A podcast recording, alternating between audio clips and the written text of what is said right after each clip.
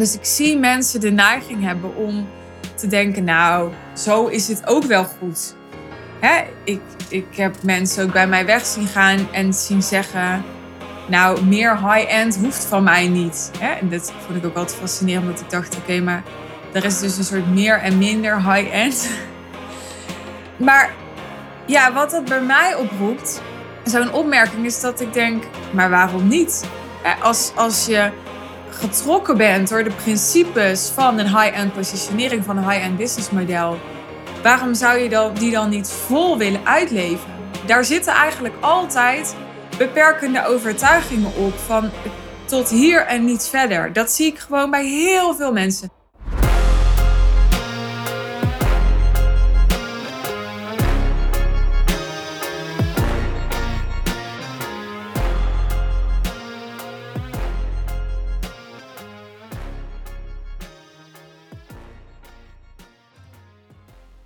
Dan zijn we alweer bij deel 3 van de lessen die ik met je wil delen van uh, het tweede kwartaal van 2023.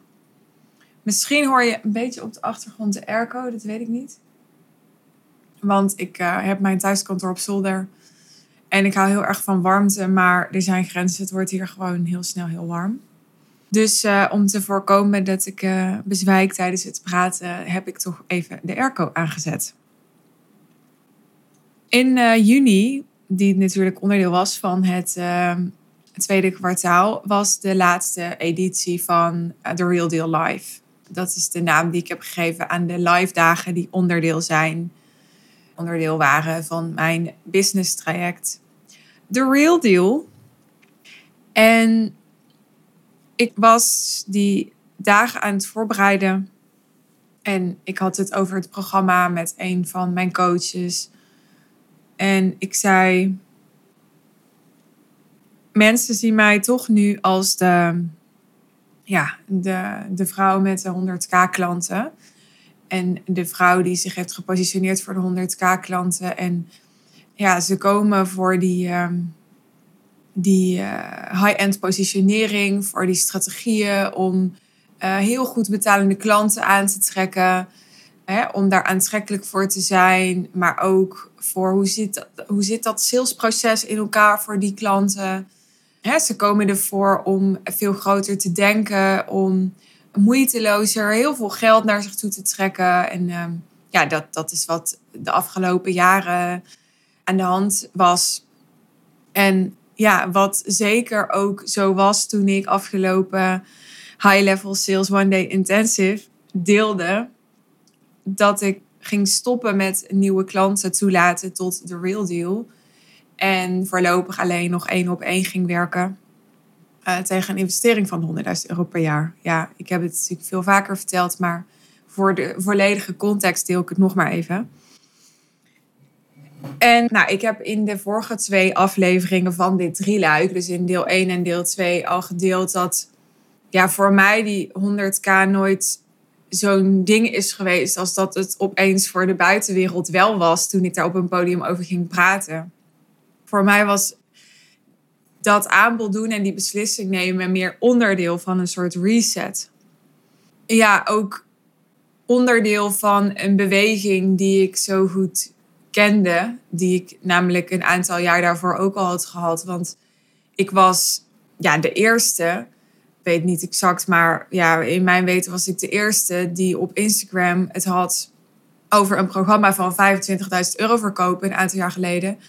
In een tijd waarin echt nog niemand dat deed. In ieder geval niet de mensen die actief waren op Instagram. Dus het gebeurde natuurlijk wel ik had daar bewijzen en voorbeelden voor. En daarom kon en wilde ik daar ook voor gaan staan.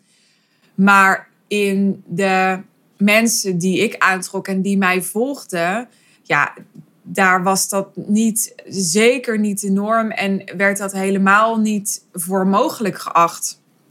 Dus dat ging heel stroef in het begin, want mensen snapten gewoon niet wat je daaraan had om zoveel geld te vragen, waarom je dat zou willen en of dat het wel ethisch was en ja, hè, of dat niet dan veel te veel op het geld gericht was, dus of dat het dan wel duurzaam was.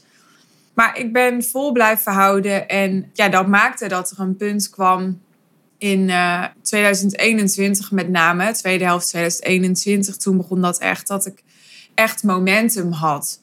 En dat bij mensen begon te landen, omdat ze het zagen bij klanten van mij, hoe transformatief het kon zijn om je high-end te positioneren en om met een gevoel van moeiteloosheid en vanuit integriteit zo'n hoge programma te verkopen.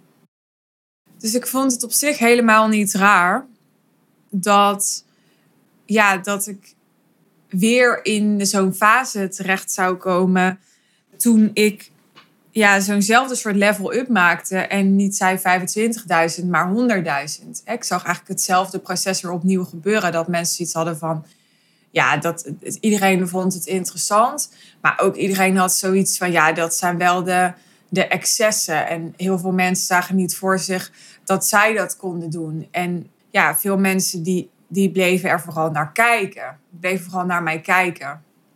En ik merkte dat ik na jaren, voor mijn gevoel, toch een soort te hebben gepredikt voor mijn visie. En testimonials te hebben gemaakt. En ja, zo ontzettend veel content hebben gemaakt. Ik heb bijna 5000 Instagram posts op mijn account staan. Nou, daar is ook nog een behoorlijk deel van uit mijn fashion tijd. Maar laat dat de helft zijn. Ik heb geen idee. Ik heb echt werkelijk geen idee. Maar dan zijn het er dus nog een paar duizend. Ja, dan heb ik inmiddels uh, nou, richting de 400 podcasts gemaakt. Ik heb in een andere tijd heb ik blogs geschreven. Ja, ik, ik heb natuurlijk events gegeven met hele programma's. Ik heb zo ontzettend veel gedeeld om mensen die waarde te laten voelen.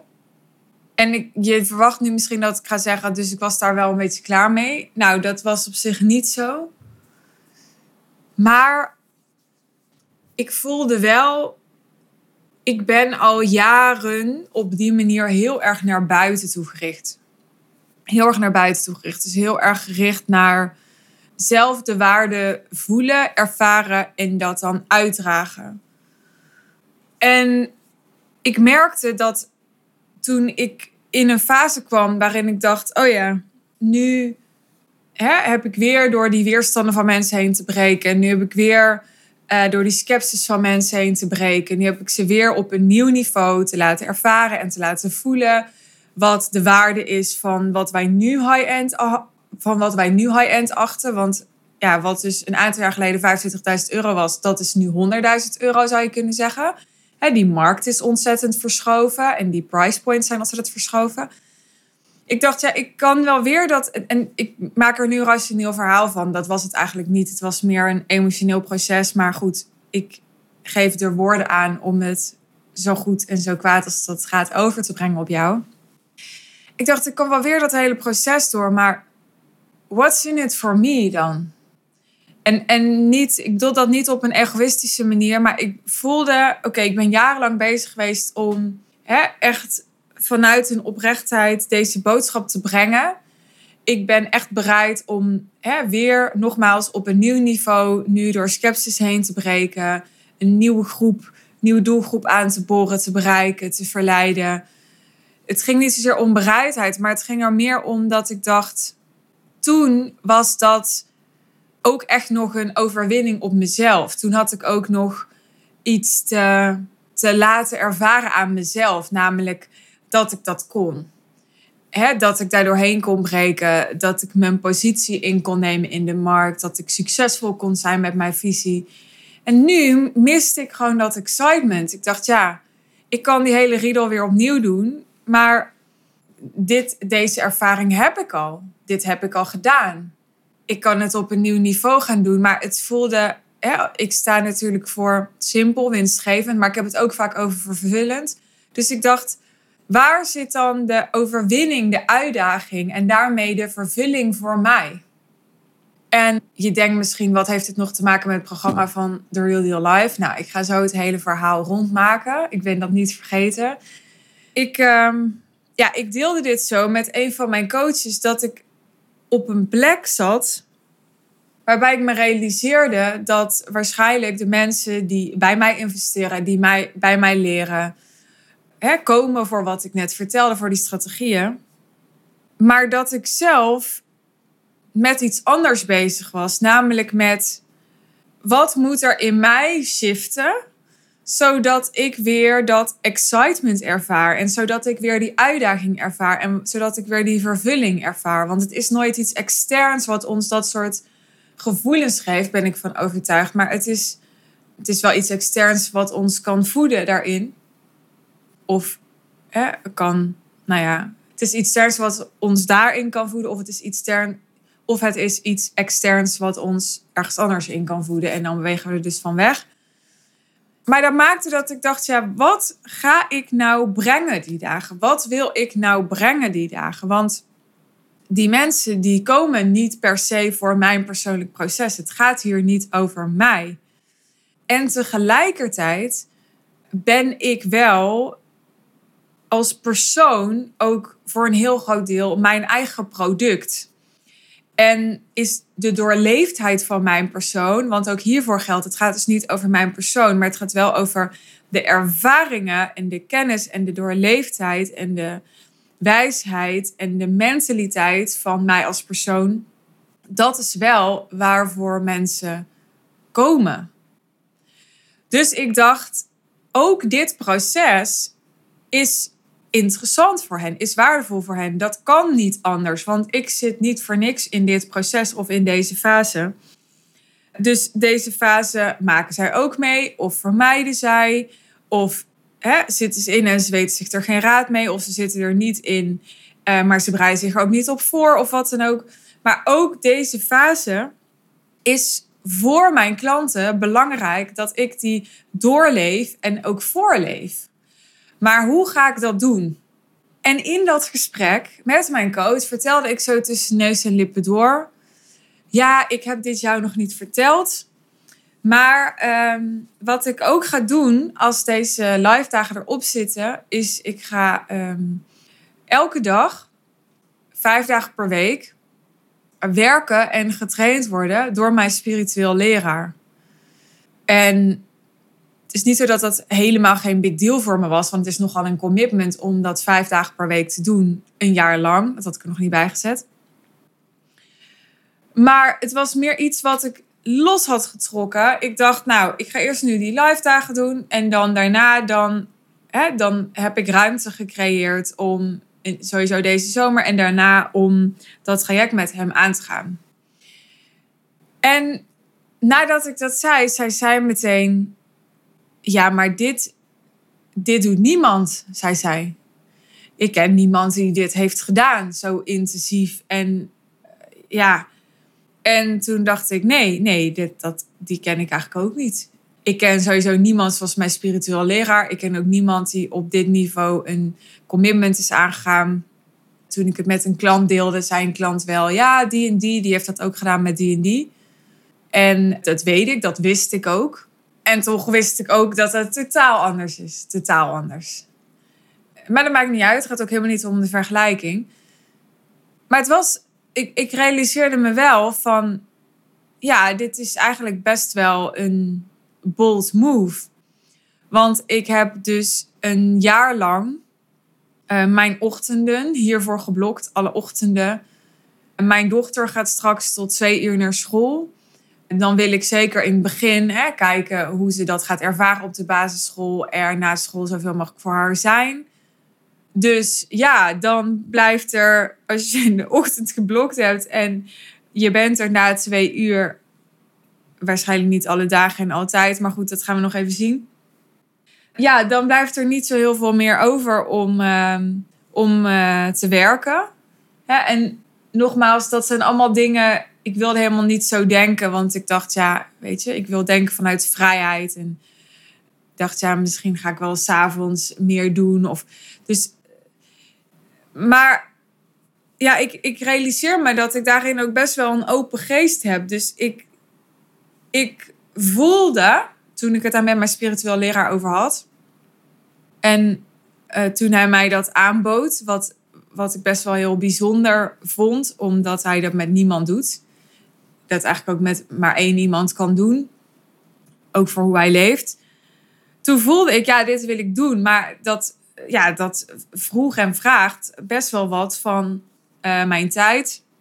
Geld ook. Dus ja, toen ik het daar met haar over had in gesprek met mijn coach, toen dacht ik, het is inderdaad best wel een bold move om als alleenstaande moeder zo'n commitment aan te gaan met iemand die ik wel al langer ken, maar waarvan ik tegelijkertijd ook totaal niet kan overzien wat dat gaat betekenen waar ik over een jaar sta. Misschien wel op een totaal andere manier, maar ik zag wel direct een parallel met mijn eigen klanten, die natuurlijk ook altijd een jaar in mij investeerden en die soms al een hele tijd mijn podcast luisterden. Maar die eigenlijk altijd, uiteraard zou ik willen zeggen, als ze bij mij instapten, geen idee hadden waar ze over een jaar zouden staan. En ik ging dat dus zelf weer doen op een nieuw niveau. Want ik was wel eerder jaartraject aangegaan met, met business coaches en zo. Maar niet iets wat op dit niveau commitment en tijd van mij vroeg. En toen zij zei, ja, weet je wat jij doet? Ze gaf mij dat terug. Wat jij doet is, jij laat echt bereidheid zien. Jij laat altijd echt bereidheid zien. En ze zei, daarin ben je echt anders dan gemiddeld. Jouw bereidheid, jouw bereidwilligheid is gewoon heel groot. Ze zei, daarom denk ik ook dat jij uh, ja, succes hebt bereikt die een ander niet bereikte. Omdat jij echt door de pijn en het ongemak heen gaat van wat er dan ook maar op je pad komt. En daar was dit inderdaad, toen, toen ik daarbij stilstond, ook wel weer een, een voorbeeld van. Het was namelijk zoveel makkelijker geweest om dit niet te doen, om dit commitment niet aan te gaan. Om te zeggen, nou, hè, want ik, ik deed al wekelijks sessies met hem, van nou, wekelijks zo'n sessie is ook wel goed. Ik weet zeker, hè, als ik mijn klanten de keuze had gegeven om niet per se een jaar met me te werken, maar bijvoorbeeld een half jaar of nog korter, dan hadden heel veel mensen dat gedaan. Dus ik zie mensen de neiging hebben om te denken, nou, zo is het ook wel goed. Hè? Ik, ik heb mensen ook bij mij weg zien gaan en zien zeggen, nou, meer high-end hoeft van mij niet. Hè? En dat vond ik ook altijd fascinerend, omdat ik dacht, oké, maar er is dus een soort meer en minder high-end. maar ja, wat dat bij mij oproept, zo'n opmerking is dat ik denk, maar waarom niet? Als, als je getrokken bent door de principes van een high-end positionering, van een high-end business model, waarom zou je dan, die dan niet vol willen uitleven? Daar zitten eigenlijk altijd beperkende overtuigingen op van tot hier en niet verder. Dat zie ik gewoon bij heel veel mensen tot hier en niet verder. Dus of het nou over pijn gaat, over bereidheid gaat, over commitment gaat, over geld investeren gaat, over geld vragen gaat. Er is altijd een soort tot hier en niet verder. En wat ik soms mis daarin is dat mensen echt gaan staan voor onbegrensd leven. Ik zeg niet dat er geen, ja, dat er geen grenzen gehanteerd moeten worden. Of dat je geen grenzen mag hebben. Ik denk dat die ook natuurlijk zijn. En tegelijkertijd, ja, bij mij resoneert het zo om echt onbegrensd te leven. En in dit geval voelde ik, ja, voor mij is, is 100.000 euro vragen nog niks. Ik denk echt dat het nog helemaal niks is. En daarom voel ik niet meer wat het voor mij voor vervulling gaat geven om weer opnieuw zoveel mensen hier doorheen te helpen, snap je? Because it doesn't excite me enough anymore. En, dus, en, en ik had het wel kunnen doen. Ik had het gewoon weer kunnen doen zoals ik dat in 2019 ook heb gedaan. Maar ja, ik heb daarin aangekeken hoe bereid ben ik om geen concessies te doen. Want als ik het dus had gedaan zoals ik het in 2019 weer had gedaan, dan had ik een concessie gedaan, want het was voor mij meer van hetzelfde geweest. En ik dacht, dat is niet waarvoor ik leef. Ik leef niet voor meer dan hetzelfde. Dus ik had het hierover met mijn coach en ze zei tegen mij: maar dit is het. Dit is waar het over mag gaan. in hoeverre ben je bereid om echt het werk te doen? En neem van mij aan, ik heb genoeg mensen gecoacht en genoeg in de coachwereld gezeten om te kunnen zeggen, de meeste mensen zijn helemaal niet zo bereid. En ik zeg dit niet om jou te veroordelen, want jij bent waarschijnlijk ook een van die meeste mensen. En ik ook, en niks menselijks is mij vreemd. Ik heb echt gezien, je bent nog helemaal niet zo bereid. Dat is echt de sleutel. De mensen die heel succesvol zijn, die zijn bereid om de dingen te doen die een ander niet doet. Die zijn bereid om investeringen te doen, om risico's te nemen, om hun hart te volgen op een niveau waarop een ander dat niet doet. Ik heb een hele hoop handicaps, echt genoeg.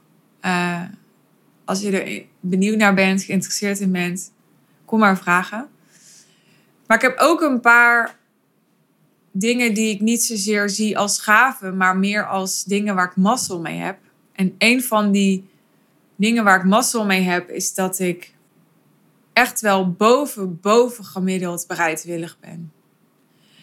En ik heb gemerkt dat het dat misschien het, het verschil tussen mij en een ander. Ja, ik wil eigenlijk de vergelijking eruit laten. Maar goed, woorden schieten nou eenmaal soms gewoon tekort. En misschien niet eens per se zit in de ambitie. Want ambitie, dat zie ik nog als, als een bepaalde vorm van willen. En een heleboel mensen die willen echt wel, maar ze zijn niet bereid. En het is nooit mijn tekst geweest. Hè? Dat was een andere business coach die zei: uh, alles kan, maar alles heeft een prijs. Ik was juist altijd meer voor alles kan en hoeft geen prijs te hebben. Want ik vind alles kan, maar alles heeft een prijs, vind ik best wel of-of. Terwijl ik veel meer sta en wil staan voor en-en. En tegelijkertijd ja, onze hele natuur functioneert op yin en yang. dus er is altijd een licht en donker. Er is altijd een wit en zwart. Er is altijd een yin en yang. Voor mij is de yang die bereidheid, die bereidwilligheid. En de yin is de flow, de stroming die daar dan uit voortkomt. Dus wat ik je mee wil geven met deze aflevering, zodat ik niet alleen mijn les of mijn lessen met jou heb gedeeld, maar jij hier voor jezelf ook een les uit kunt halen, is als het nu ergens in jouw bedrijf of misschien ergens anders in je leven niet helemaal stroomt, waar heb je tot nu toe dan de bereidwilligheid gemist? Dus waar heb je onvoldoende nog het moeilijke aan willen gaan? Dat kan je belabelen als een prijs betalen, het moeilijke aan willen gaan. Maar ik zie het niet als betalen, ik zie het als ontvangen. Als ik kijk naar dit traject dat ik nu doe met mijn spiritueel leraar, ik heb het gevoel dat ik daar heel veel door ontvang. Maar ik heb wel de bereidwilligheid nodig gehad om dat te kunnen ontvangen, om dat commitment aan te gaan. Dan kun je natuurlijk zeggen voor de smart asses, Oké, dus dat kan, dat kon, dat traject. Maar alles heeft een prijs, want hè, je moet daar wel je ochtenden voor inleveren. Maar ja, zo ervaar ik het althans niet. Want wat is dan exact de prijs? Wat is dan hetgeen waar ik dan liever mijn tijd aan zou besteden? Als ik daar echt, echt liever mijn tijd aan zou besteden, ja, dan zou ik dat doen. Dan zou ik niet hiervoor kiezen. Dus wat ik gehoopt heb voor te leven tijdens die live dagen en ook nu met deze aflevering voor jou, is vertrouwen. En vertrouwen is best wel een, een beetje een uitgeholde term. Want dat is ook iets waar ik het uh, ook met mijn spiritueel leraar, maar ook met andere coaches over heb gehad. Ik denk, ja, het is allemaal super leuk dat we weten dat we moeten afstemmen op vertrouwen. Dat we op de frequentie van vertrouwen moeten zitten om te manifesteren en zo. Het is allemaal superleuk dat, zoals mijn spiritueel leraar altijd zegt, het pad volmaakt is en zo. Maar ik zeg ook tegen hem, ik zeg, maar hoe is dat dan? Even, kijk even gewoon om je heen. Als ik naar de stad ga, ik zie daklozen, ik zie junks, ik zie mensen die op een andere manier totaal van het zijn. Die op zijn minst gewoon heel ongelukkig zijn. In grote getalen zijn ze er. Hè, kijk maar om je heen. Mensen hebben schulden, mensen hebben kanker, mensen hebben scheidingen, hebben gewoon zoveel shit. Hè, dus eh, hoezo dan vertrouwen? Hoezo komt het dan per se goed? En hoezo is dan het pad volmaakt? Hij zei daarover, mijn uh, leraar zei daarover, het pad is volmaakt, maar niet altijd op individueel niveau. En niet altijd, hè, dus als je uitzoomt, dan is het pad volmaakt. Zoals we achteraf vaak kunnen zeggen, ja, dat was daar en daar goed voor. Maar je kan niet zeggen dat ieders pad volmaakt was in termen van wat wij volmaakt achten. En daarover zegt hij ook altijd: Dus maak je maar niet druk, want het komt toch niet goed. dus als het op individueel niveau voor jou dan nu niet volmaakt is, ja, dan is dat wat het is. En sterker nog, het is nooit 100% volmaakt. Het is niet perfect. Ja, het, het, het is gewoon niemand en nergens en geen enkel leven is perfect. En dat, dat klinkt heel pessimistisch om mij af te sluiten, maar juist zo in het reinen komen met de onvolmaaktheid van het leven, en in dit geval het ondernemerschap, daar zit de bevrijding. Want als je niet zoveel te verliezen hebt, omdat het bijvoorbeeld toch niet goed komt, hoef je ook niks meer vast te grijpen, hoef je ook niks meer te controleren. En dan kun je bijvoorbeeld ook veel bereidwilliger zijn. Want in bereidwilligheid, er zit een vorm van overgave in. Daar heb je een vorm van overgave voor nodig. En ehm, die heb je ook nodig voor het ondernemerschap. Tot zover mijn spreekbeurt. Ik hoop dat het interessant voor je was. Dankjewel voor het luisteren. Dit was ook meteen het einde van uh, het drieluik van dit kwartaal. Ik ben nu al benieuwd naar het uh, drieluik van volgend kwartaal. Wil je reageren? Je kan me een berichtje sturen op uh, Insta of op LinkedIn. Je vindt mijn uh, Instagram en LinkedIn account in de show notes, mocht je me daar nog niet volgen. En vergeet niet, je kan je abonneren op deze podcast via iTunes. Je kan de podcast volgen op Spotify. En als je de podcast waardeert en graag luistert, dan ehm, help je mij, maar vooral ook toekomstige luisteraars door een 5 sterren te geven, zodat hij beter vindbaar is. Ja, als je deze aflevering de moeite van het luisteren waard vond, dan is het ook fantastisch als je hem zou willen delen in jouw netwerk. Zodat uh, andere ondernemers deze podcast kunnen ontdekken en ook deze content kunnen beluisteren. Dankjewel. Mooie dag. Bye.